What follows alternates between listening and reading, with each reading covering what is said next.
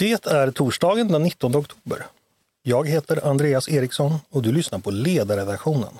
En podd från Svenska Dagbladet.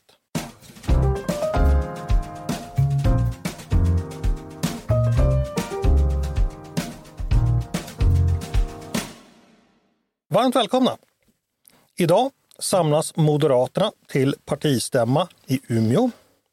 Partistämman ska pågå hela helgen i tre dagar och man ska ta ställning till ett antal propositioner från partistyrelsen och massor med motioner från medlemmarna. Och man ska också sätta listan till Europaparlamentsvalet i vår. Moderaterna är ju regeringens största parti, statsministerns parti. Så vad Moderaterna bestämmer sig för för politik är alltså ganska viktigt för landet. Därför tänkte jag att man ska titta lite närmare på just den här partistämman. Så vad är det man kommer diskutera under dessa tre dagar i Björkarnas stad? Vad gör man förresten generellt på en partistämma? Kommer det bli några överraskningar i form av ny politik? Och hur är stämningen i partiet som leder en regering som sedan valet tappat ungefär var femte väljare? Det ska vi prata närmare om idag och då har jag med mig två gäster. Benjamin Dosa, avgående chef för Timbro, snart chef för Företagarna och tidigare MUF-ordförande. Välkommen hit Benjamin! Tack så mycket! Och Marcus Uvell, också gammal Timbrochef, numera eh, partner på Nordic Public Affairs. Och det vill säga att du är konsult och expert på det mesta inom politik och opinion. Eh, och med en politisk bakgrund inom Moderaterna också. Välkommen hit! Tackar! Ja, eh, först vill jag höra lite om era, det här med partistämmer. Kanske inte alla lyssnare har koll på vad det ens är. Eh, hur, hur ser er erfarenhet ut? Benjamin, hur många har du varit på? Partistämmor är ju inte så ofta utan eh, oftast en per mandatperiod. Så att eh, har jag varit kanske tre stycken. Om man räknar med arbetsstämmor som också är ytterligare då en per mandatperiod så har jag väl varit på sex, sju stycken. Mm. Marcus, du då? Ja, jag skulle tro att det är ungefär lika många för min del, fast mina ligger ju längre bak i forntiden. Um, När debuterade? Minns du det? Jag tror att det var, eh, jag trodde det var 1990, men du upplyste mig på vägen in i studien att det var 93. Um, jag minns en debatt mot Mattias Svensson uh, angående, eller tillsammans med Mattias Svensson mot Anders Björk uh, på temat huruvida värnplikt var slaveri eller inte, vilket vi tyckte då. Um, Anders Björk tyckte inte det. Nej. Um, och det känns Debatten känns lika modern som den bruna mockaväst jag hade på mig. Så googla inte detta på Youtube. Eh, man kan alltså googla det här på Youtube. Och jag vill minnas att Marcus, du har en skjorta som i, i, i så här 30 år senare har blivit modern igen. Så det har hunnit gå så lång tid. ja, det var väldigt, väldigt länge sedan. Mocka, ja. Mockavästen ännu inte. Nej, ännu inte. Eh, det om det. Eh, Benjamin, partistämmer, eh, vad gör man på sådana? Var, var, varför har man sådana? Jag får uttrycka mig så enkelt. Mm, nej, men partistämmor är ju partiernas högst beslutande organ. Så att eh, där fattar man beslut om, eh, om viktig politik, man fattar beslut om vilka som ska sitta i partistyrelse. I det här fallet även så blir det en nomineringsstämma, alltså vilka som ska stå på listan till eh, Europaparlamentsvalet. Och såklart för många lokala och regionala politiker ett sätt att träffas, ha kul. Ehm, nu är det ju långt kvar till nästa val men det brukar ofta vara liksom lite sammanfattning också. Hur gick det i valet? Varför gick det som det gick? Så att det här tillsammans med det alla partier också har, de här kommun och regiondagarna, så är det här väldigt viktigt även socialt och nätverksmässigt. Men partistämman som sagt, högst beslutande organ, politik och partistyrelse väljs. Mm. Eh, jag sa ju tidigare då att eh, det, det, blir en del eh, propositioner då från partistyrelsen eh, och det, de är ganska omfattande. Eh, det finns då fem stycken så att säga, propositioner som, som då handlar om fem olika politikområden. Eh, de heter eh, respektive eh, de heter ordningsföljd menar jag. På medborgarnas sida, förebyggande politik mot utanförskap och kriminalitet, skola och utbildning, grön innovationskraft för tillväxt samt utrikes och säkerhetspolitik. Nu förstår jag att ingen av er har, har läst det här, här, i grunden, men Marcus, om du bara sammanfattar de här eh, fem områdena. Låter det eh, klokt att eh, fokusera just på de här fem områdena när det gäller politikutveckling? Ja, det är det väl i grunden. Samtidigt så jag reflekterade mest över att partistämman har någon slags slogan som då är tryggare, grönare, friare. Och det, det, det är en händelse som ser ut som en tanke att det ligger någon slags prioritering mellan de här tre begreppen. Där liksom frihetsbegreppet är sist. Vi, är ju, vi lever i en politisk miljö som är otroligt dominerad av trygghets budskap och hotretorik. Mm. Och det är lite jobbigt för Moderaterna som ju också är ett frihetsparti. Och jag, tror, jag tycker när man, när man ögnar igenom handlingarna så slås man av på punkt efter punkt så dominerar behovet av att skapa trygghet och styra upp saker. Moderaternas slogan inför valet var ju nu får vi ordning på Sverige. Jag såg till exempel att skolpropositionen där det finns stora avsnitt om, om, eh, om styrning och trygghet innehåller ordet valfrihet vid ett enda tillfälle. Och det är, en, det är en bisats där man säger att vi är visserligen för valfrihet, men... Men givet hur nyhetsflödet ser ut just nu så är det kanske inte så konstigt att det är just tryggheten som prioriteras? Nej, jag tror att det är helt naturligt och jag tror att det är nödvändigt. Men det, men det är jobbigt för ett parti vars, vars aktiva drivs ju också av en vilja för ökad individuell frihet. Det är svårt att driva den agendan i det här klimatet. Mm. Benjamin, när du tittar på de politikområden som är uppe för diskussion och som ska drivas framåt, tycker du att eh, det verkar rätt prioriteringar just nu? jag håller väl med Markus i stora drag. Det jag nog hade önskat mer av, och jag tror vi kommer in på det, det är väl den ekonomiska politiken som är väldigt eh, tunn inför partistämman. Sen ska man väl komma ihåg att på partistämmor när man själv har makten, det är inte där de stora omsvängningarna kommer. Tittar man på propositionerna, jag skulle gissa på att kanske mellan 80 till 95 procent av allt partistyrelsen föreslår partistämman att besluta om är sånt som Moderaterna redan tycker. Så att det är liksom snarare förstärkningar av vissa ord kanske. Man förtydligar reformer. Men det, det är väldigt få omläggningar på, på, i princip något politikområde. Det som ändå jag tycker är intressant som jag inte tror liksom media kommer uppfatta riktigt, det är ju ändå omsvängningen i skol och utbildningsfrågor. Där, om man ska sammanfatta det, där Moderaterna är på väg nu att bli mer vad ska jag säga, folkpartistiska. Eh, ordning och reda, fokus på evidensbaserad eh, undervisning, alltså kateder, inte massa plattor utan det ska vara riktiga böcker. Så att Moderaterna, är, och det är en process som har pågått i kanske tre, fyra år, att man är på väg att bli mer folkpartistiska i, i skol och utbildningsfrågor. Mm. Ja, det var intressant att höra från, från Marcus här. Eh, för mig som gammal folkpartist låter det här fantastiskt. Gör du samma bedömning att Moderaterna går folkpartistisk linje i skola och utbildning? Ja, det är väl kanske en liten elak beskrivning av Benjamin, men, men det är väl det som sker. Att man, det blir ett, och skoldebatten överlag har ju flyttats i den här riktningen. Och, de, och de problem som finns i svensk skola handlar ju väldigt mycket om, om disciplin och ordning och reda. Jag tror att det, det är egentligen där de stora behoven ligger och inte i den här eh, enormt exponerad i diskussionen om, om vinst i friskolor. Utan man är, man är tillbaka till det som, som är ärligt talat också är lite grann Moderaternas ursprungliga kärna i skolfrågan. Alltså det fanns ju en historia före friskolesystemet där, där Moderaternas utgångspunkt framförallt handlade om ordning och reda, traditionella kunskaper och sådär. Så att det är folkpartistiskt, ja kanske det, men också väldigt mycket back, jättemycket classic, Moderaterna classic. Man. Men givet den diskussion som förs om friskolor och hur ofta de ses som problemet i skolsystemet idag, betyder det här att Moderaterna är på väg att överge försvaret för friskolesystemet så som det har sett ut hittills? Nej, det hoppas jag inte, men jag tycker man kan konstatera att man lägger inte ner mycket energi på den frågan. man har på ett tidigt stadium gått in på en linje där man kopplade behovet av ordning och reda med behovet av att, att eh, att minska friskolornas möjligheter. Redan under, under Anna Kinberg Batras tid som partiledare så, så argumenterade man utifrån perspektivet ordning och reda emot riskkapitalägda friskolor. Och det kan man vara för eller emot men, men det har ju ingenting med ordning och reda i skolan att göra utan det är en helt annan fråga. Men, men detta är en lång utveckling och jag, eh, jag tycker personligen att den är olycklig men, mm. men det verkar vara dit vi är på väg.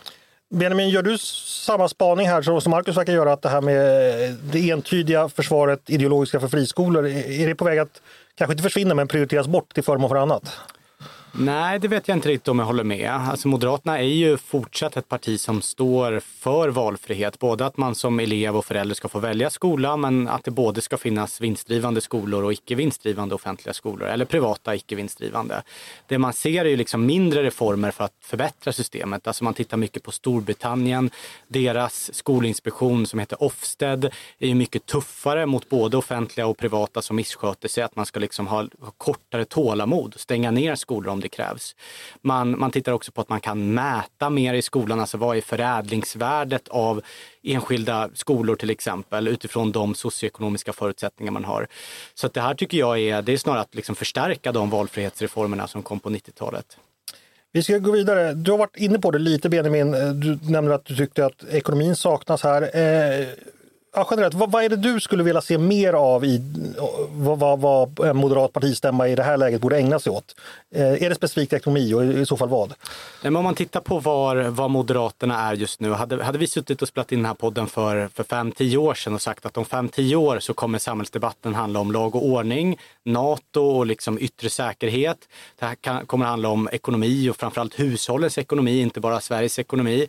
Ehm, då tror jag vi alla nog hade känt att ja, men då borde Moderaterna nog ligga på 25, 30, 35 procent. Så är det ju inte riktigt idag. Så att liksom, eh, omvärld, omvärldsfaktorer, jag vet inte vad, vad mer skulle tala för Moderaterna just nu. Det finns liksom ingenting som kan bli bättre utifrån ett moderat perspektiv. Men ändå så lyckas man inte växa i opinionen. Vad beror det på? Jag tror att det beror på på två delar egentligen. Delvis och med, med två lite olika skäl. Om man tar liksom migration och justitiefrågorna där tror jag att innehållet är klockrent och jag skulle gissa på att 70-80 procent av väljarna står helt bakom det. Där kanske det snarare är kommunikationen kring den, att man inte har konflikt mot S i, i den typen av frågor. Och man låter liksom S sätta agendan. Att säga, ja, ja, ja, Magdalena står och säger vi är för alla straffskärpningar, men vi vill också satsa förebyggande. Och hade det varit så att liksom ytterligare en fältassistent hade gjort någon skillnad, då hade ju Sverige varit världens tryggaste land. Det där var en lång bakgrund. Vad är det du saknar? Men i tydligare konflikt mot S i migrations och justitiefrågor. Och på det ekonomiska området så skulle jag vilja säga, där är inte kommunikationen som är problemet utan innehållet. Tittar man på regeringens samlade ekonomiska politik så säger Finansdepartementet själva att det kommer inte leda till högre tillväxt, inte leda till högre sysselsättning. Ehm, och det är klart att ett parti som har gått till val på arbetslinjen så, så rimmar det ganska dåligt. Marcus, samma fråga till dig. Saknar du någonting när du läser igenom stämmohandlingarna? Nej, men jag, jag, vad gäller den ekonomiska politiken så saknar jag väl ungefär det, det Benjamin beskriver. Det vill säga att det, det, det är ett, vi har en ekonomisk politisk debatt som är, som är väldigt som är nästan fördelningspolitisk. Det handlar om, om, om hur mycket finns kvar i väljarnas plånböcker apropå räntehöjningar, apropå inflationen och så vidare. Och klart i en fördelningspolitisk debatt om ekonomi så kan en högerregering aldrig vinna. Utan istället så måste man ha blicken längre fram och där håller jag med om att det är det som saknas är ett tillväxtperspektiv. Vad vill Moderaterna med svensk ekonomi utöver att hantera den kris som just nu är? Nu står man på, på andra sidan tennisnätet och slår vilt på alla bollar, så, bollar som kommer flygande. Men vad är planen? Det tycker jag saknas. det är den stora skillnaden jämfört med 2006 till exempel. Det fanns en tydlig plan. Vad vill Moderaterna med svensk ekonomi? Det tror jag, utöver att hantera krisen förstås. Det tror jag det är få som kan svara på. Så på den punkten håller jag håller jag med. Det är svårt naturligtvis, men, men det här är ju traditionellt en av Moderaternas allra starkaste frågor. Så där har man hemläxa att göra. Eh, ett eget propositionsområde är ju då det här med grön innovationskraft för tillväxt. Eh, Benjamin, eh, är det något nytt som kommer komma från Moderaterna när det gäller det gröna och den klimatpolitiken helt enkelt, som du ser det? Eller är det samma av tidigare? Nej, det, det, är väl ett sånt område där man förstärker eh, tidigare skrivningar. Man är väldigt för eh, kärnkraft. Man eh, vill liksom att EU, nu kommer ju Hasslerutredningen när det här spelas, spelas in, men att mer ska göras på EU-nivå, det är så effektivt som möjligt. Man ska låta Klimatpolitiska rådet också granska kostnadseffektiviteten av olika åtgärder. Nu liksom strömmar, de senaste tio åren har det bara strömmat ut massa åtgärder, en halv miljard, två miljarder, som man inte riktigt vet, att eh, leder det här faktiskt till lägre utsläpp och är det så kostnadseffektivt som möjligt? Så att liksom fokus på effektivitet och en fungerande energipolitik med då kompletterande förslag. Så att det är liksom inslagen väg som man då förtydligar. Marcus, när du har tittat igenom handlingarna, jag förstår att du inte har läst alla drygt 2000 sidor eh, och tagit ut satsdelarna, men, men är det någonting du har eh, hajat till på eller funderat på som du skulle vilja lyfta som du tycker är intressant? Jag tycker det är intressant hur, hur snabbt, hur snabb och, och jämförelsevis framgångsrik Moderaternas eh, förtydligande just av den här, där, eh, på temat grön tillväxt har varit. Moderaterna har gjort en otroligt snabb förflyttning i i sin miljö och klimatpolitik som under lång tid, hela den tid som jag var på något sätt aktiv i Moderaterna, så var miljöpolitiken var ju bara ångest. Och nu har det förvandlats till en fråga som är, ja, som är en konkurrensfråga eh, eh, för partiet. Inte minst gentemot Sverigedemokraterna. Så det tycker jag är intressant hur, hur, brett, hur bred förankringen eh, verkar vara där i partiet. Nu finns det en del motioner som till exempel kritiserar eh, eh Tidöpartiernas linje vad vindkraften. Men det är verkligen i, i stora hela på marginalen. Det är, en otroligt snabb förändring på det området. Det tycker jag är väldigt intressant. Men när du säger konkurrensfråga, det, betyder det att det är en fråga där helt enkelt Moderaterna kan locka väljare tack vare sin... Ja, jag, jag tror att det är så att för, för både M och SD så är det bra att Moderaterna framstår som om man så får säga, mer progressiva vad gäller klimatfrågor till exempel. Båda partier tjänar för det. Jag tror att det, det är bra, det är, det är en viktig konfliktyta för Moderaterna att ha gentemot SD. Just nu för tiden så är Moderaternas dilemma tvärtom paradoxalt nog att man är nästan för lik Sverigedemokraterna. Och då är det viktigt frågor där man, där man tänker lite annorlunda. Då tror jag att det här är det här är en jätteviktig profilfråga och uppenbarligen en fråga som, som det finns brett stöd för eh, internt i partiet. Med vissa reservationer. Du nämnde vindkraft. Det är ju en fråga som då uppmärksammas av media, bland annat av den här tidningen innan, att det finns olika åsikter mellan eh, vad partistyrelsen vill och vad andra viktiga i, i partiet tycker. Det gäller då konkret det här kommunala vetot mot vindkraft, huruvida det ska begränsas. Eh, vilket partistyrelsen vill, men det vill inte alla. Eh, Benjamin, hur kommer det här gå, tror du? Och hur, hur, hur stor är motsättningen inom partiet? Nej, men jag tror nog att partistyrelsen får igenom sin linje. Det det handlar om är ju att kommuner har idag rätt att säga nej till eh, landbaserad vindkraft. Och det vill partistyrelsen inte ta bort, men de vill tidigare lägga det i processen. Så innan ett vindkraftsbolag har plöjt in kanske tiotals miljoner i att eh, hitta mark, planprocesser och sen i slutskedet när man nästan är redo för, med spaden i backen, då får ett nej från kommunen så ska det tidigare läggas så att man, så vindkraftsbolaget direkt får reda på, ja men vi är inte intresserade eller vi är intresserade. Och, då finns det, och det är partistyrelsens linje, vilket jag tycker är, är rimligt. Eh, blir mer transparent för alla parter.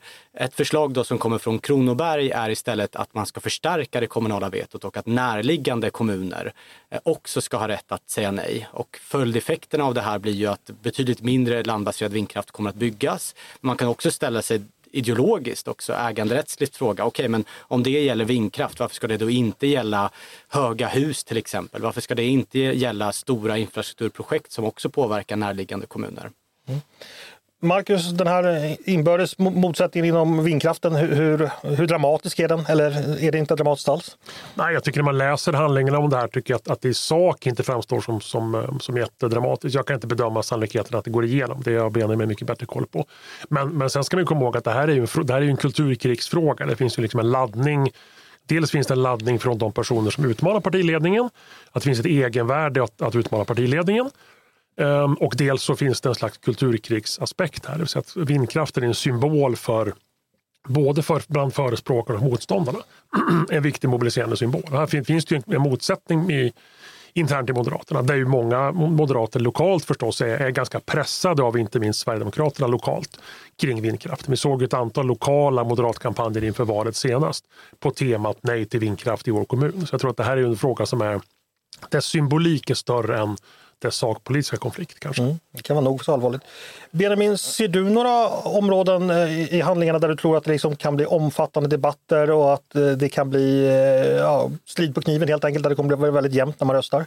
Svårt att säga. Det skulle nog vara vindkraften i så fall. För det mesta andra är som sagt förstärkningar av saker man redan tycker. Det är inga stora omläggningar, vilket är fullt naturligt givet att man sitter vid regeringsmakten. Så att, dessutom är ju partistämman organiserad så att man först sitter i utskott och förhandlar innan det kommer till plenum, alltså den stora salen där man är uppe och debatterar. Så att jag tror, är det någonting man vill korrigera något mindre så, så sker det i första hand då i utskottet innan det kommer till omröstning. Mm.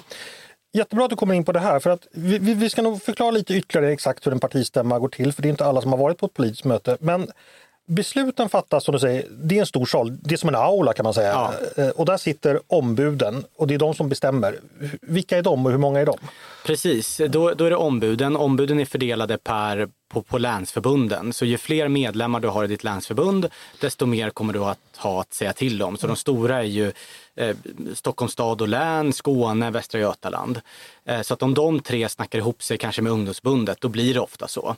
Eh, och innan det kommer till plenum, alltså aulan, den stora salen, så har man utskottsbehandling kallas det. Och där är det ungefär samma fördelning av ombud eh, som i den stora salen. Så tanken är ju att man ska lösa ut konflikter i utskotten innan det kommer till till, till votering i den stora salen. Man pratar ihop sig om en kompromiss ifall det behövs helt enkelt. Exakt. Ja. Eh, och det är då dagen innan. Precis. Mm. Eh, i, idag då börjar man med det. Eh, sen finns det ju också det här med eh, motioner. Eh, de, de är då 270 stycken. Hur är det Benjamin, inom Moderaterna, får vilka medlemmar som helst lämna in en motion eller hur funkar det? Ja, på partistämmor får, får man skicka in motioner, till skillnad då från arbetsstämmor som är två år efter en partistämma. Mm. Där är bara propositioner. Mm. Och de 270 stycken låter ju väldigt mycket. Hur klumpar man ihop dem eller hur hinner man förhålla sig till alla de här? Hur funkar det? Man klumpar ihop i, i block så att man tar liksom alla motioner som handlar om säg, ekonomisk politik och så har man ett block för det som mm. är då tidsbegränsat också. Just det. Och brukar motioner antas? Hur vanligt är det? Eh, ja, men det är inte som i riksdagen. Det kan definitivt vara så att motioner går igenom. Mm. Finns det någon så att säga, ursäkta ordet, men dårspärr här så att det liksom inte man råkar, någon råkar skriva en jättekonstig motion som går igenom ändå? Eller har det, har det hänt någon gång? Eh, jo, men det, det, har det definitivt hänt. Eh, jag, tror att, jag tror att det finns en sån eh, vad ska man säga, ventil. Länsförbunden kan liksom på olika sätt eh, hantera den frågan. Mm.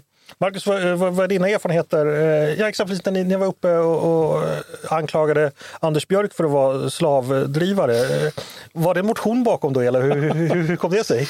Det måste jag säga att jag inte riktigt kommer ihåg, men, men det var det säkert. Mm. Och, och, det illustrerar väl kanske att det är en aspekt av partistämman och det är också en slags kraftmätning. Det vill säga den, den, det distrikt eller den falang eller vad det nu är man företräder Eh, ska visa sina muskler jämfört med andra internt i partiet. Så att det inte bara är en beslutsfattande eh, forum utan det finns också en väldigt viktig sån eh, styrkemätningsuppvisning. Mm. Inte minst ur, ur, ur MUF-perspektiv förstås. Om en partiled eller partistyrelse som då kommer med sina propositioner, om någon av de medlemmarna helt enkelt säger nej till dem, är det dramatiskt eller är det sånt som sker lite då och då? Hur, hur ska man se på det? Benjamin, har du en uppfattning? Det beror väl lite på eh, liksom, vilken typ. Som sagt i utskottet där ändras ju mycket så redaktionella saker som inte blir, här är ett stavfel, då ändrar vi det i utskottet. Det är ju såklart inte dramatiskt. Eh, ibland förstärker man, förtydligar. Eh, det är heller inte dramatiskt. Det skulle väl vara om det är något som är väldigt viktigt för partistyrelsen. Säg vilket år var det här? 2015, 16 när man la om migrationspolitiken. Skulle man ha förlorat den voteringen, då hade det såklart varit jätteilla för, för partiledningen. Och sen så, så är det också en del eh, kohandel mellan förbunden och ungdomsförbundet också. Eh, att det kan vara så här, ja men ni, ni får att vi, vi skriver in något om eh, Norrbotniabanan, men då får ni rösta med oss i någonting helt annat. Så det, det, sker en, en del sån kohandel mellan partiledningen och, och förbunden också. Om man är ombud eh, och sitter i den här aulan, eh, sitter man där hela tiden eller går man ut och tar en kaffe eh, och bara inne när man voterar? Eller vad är din erfarenhet av det? Nej, det är definitivt så att, att man är ute och tar kaffe. Och morgonpassen brukar väl de som är mest, eh, brukar vara de som är mest glesbefolkade om man säger så. Mm. Eh, och sen så är de flesta där inne när det är skarp votering, när debatten är avslutad. Mm. Det finns ju ett känt exempel, jag tror det var, ja, det var Miljöpartiet kanske 20 år sedan. Då var det ett sånt där glest morgonpass då folk var så jag ska säga trötta. Så man, jag tror man råkade rösta igenom att partiet skulle vara emot ränta eller något sånt där. Och det, det, det blev ju svårt efteråt. Eh, men det, det kanske finns en anledning till att man, man inte lägger allt för viktiga frågor allt, allt för tidigt. Ja, du sa också att eh, det är ju så väldigt många frågor. Eh, man måste också ha koll på tiden här. Ibland får man, man får inte debattera hur länge som helst, inte sant? Nej, exakt. Utan de här blocken är tidsavsatta. Så att när, när ekonomidebatten är avslutad, då går man till votering och så, det, och så blir det så. Mm. Marcus, vad, vad, betyder, Benjamin var inne på det tidigare, att det är eh, bra att träffas inom ett parti rent fysiskt. Vad betyder det, vad betyder det socialt för, för människor att eh, i ett parti komma, komma samman så här? Nej, men det är klart att det är jätteviktigt, inte minst i ett läge som det här nu partiet ändå sitter i regeringsställning. Det innebär ju på ett sätt att man förstås har, har större inflytande än man någonsin har, har, men har i normala sammanhang. Men det innebär ju också att, att det är väldigt stor risk att partiets eget politikutvecklingsarbete hamnar efter. Och då är det här jätteviktigt att man, partiet måste vara på väg någonstans politiskt. Partiorganisationen kan inte vara on hold för att man sitter i regeringsställning. Och det är väl det som är, jag tycker man ser på den ganska uppenbara frustration som finns hos många moderatväljare. Ehm, jag tror jag handlar delvis liksom om detta. Det vill säga att det, eh, man, man, sitter vid makten men man får inte riktigt bestämma själv på det sätt man är van vid. Ehm, och det skapar mycket frustration. Även moderatväljare tycker ju att det mesta i Sverige går åt fel håll, intressant nog. Och då tror jag att det är jätteviktigt att ses och prata med och försöka bygga lite, lite moral inför att man faktiskt har bra idéer för framtiden. Och hur, hur går det här moralbyggandet till? Är det man håller tal eller vad, vad är det som är vad är det viktigaste där tror du? Nej, men det är väl som i andra sammanhang. Att liksom man, man, man, man träffar människor som tycker ungefär som en själv och pratar om vad man skulle vilja göra, göra framöver. Och kanske kan dela med sig en del av, av sin, sin frustration över saker som, som går mindre bra. Nu är ju, eh, det, är ju, det är lite si och så som sagt med Moderaternas opinionsläge. Så att det är nog ett, ett, eh, en bra ventil att, att få lufta en del frustration också tror jag. Mm. För det, det undrar jag också, du som är utomstående, hur tror du, hur jobbigt är det för Moderaterna det här med att regeringen när den tillträdde hade den väl ungefär drygt 29 procent, nu är den nere i 24 procent i poll of polls. Eh, och Moderaterna har ju också minskat. Eh, hur påverkar det stämningen i partiet? Det är klart att det inte är bra, men, men det är heller inte, jag, jag, tror inte det i sig är det stora bekymret. Jag tror bekymret är att Moderaterna har, har förlorat det så kallade sakägarskapet, det vill säga de frågor där man uppfattas ha den bästa politiken. Vad gäller ekonomin uppfattas S ha den bästa politiken. Vad gäller brottsligheten uppfattas både S och SD ha en bättre politik än Moderaterna. Vad gäller jobben uppfattas S ha en bättre politik än Moderaterna. Vad gäller migrationen så har, så har SD fem gånger högre förtroende än Moderaterna. Så det är klart att det, det är de här frågorna som, som ligger på agendan och det, och det tror jag är ett problem. Att man inte uppfattas leda i någon, vad ledarna partiet i någon fråga just nu utöver försvaret. Det tror jag är det stora problemet. Inte exakt hur många som säger att de skulle rösta på Moderaterna nu. Det är tre år kvar till nästa val. Benjamin, hur bedömer du stämningsläget i partiet? Ja, men jag är nog inne på Marcus eh, linje också. Sen är det, det är långt kvar till nästa val. Det lär ju vara en del EP-fokus eh, på den här partistämman.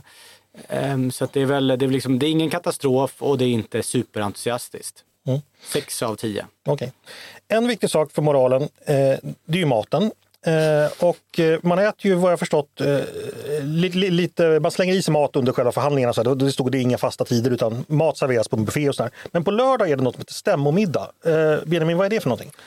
Det är väl för, för personer som inte har varit på en, på en partistämma, det, går väl, det är väl lättast att förstå som en, som en studentbankett nästan. Min, liksom, det, det, är inte lika vulgärt. Men, men liksom man, man sitter, har man overall? Man har inte overall. Men det är liksom, Dricker man punch? det är sittande middag. Det blir för många någon, någon pilsner eller något glas vin. Det brukar vara underhållning på scen under själva middagen och sen avslutas det med ett, eh, ett band av något slag, någon artist. Och det brukar också vara en stor snackis. Så det är dans och groggar efteråt? Alltså. Exakt. Ja. Men det kanske inte får bli för mycket med tanke på att man börjar ju klockan nio dagen efter och då kan det bli som Miljöpartiet och räntan tänker jag. Precis. Kung på dagen och kung på morgonen. brukar det vara bra mat? Det brukar det vara. Mm. Ex det exempel brukar... på vad som serveras? Nej, men någon köttbit, potatis, någon god sås. Köttsås, potatis. Ja. Härligt. Marcus, har du något minne av någon stämmomiddag och några detaljer därifrån? Nej, det kan jag inte säga. Däremot så minns, minns jag... Som, som, jag, jag minns så mycket groggar där. Jag minns som, som utomstående härom, härom året så var det en stämma där, där jag vet att man hade av misstag råkat bestämma, beställa vegetarisk lunch. Mm.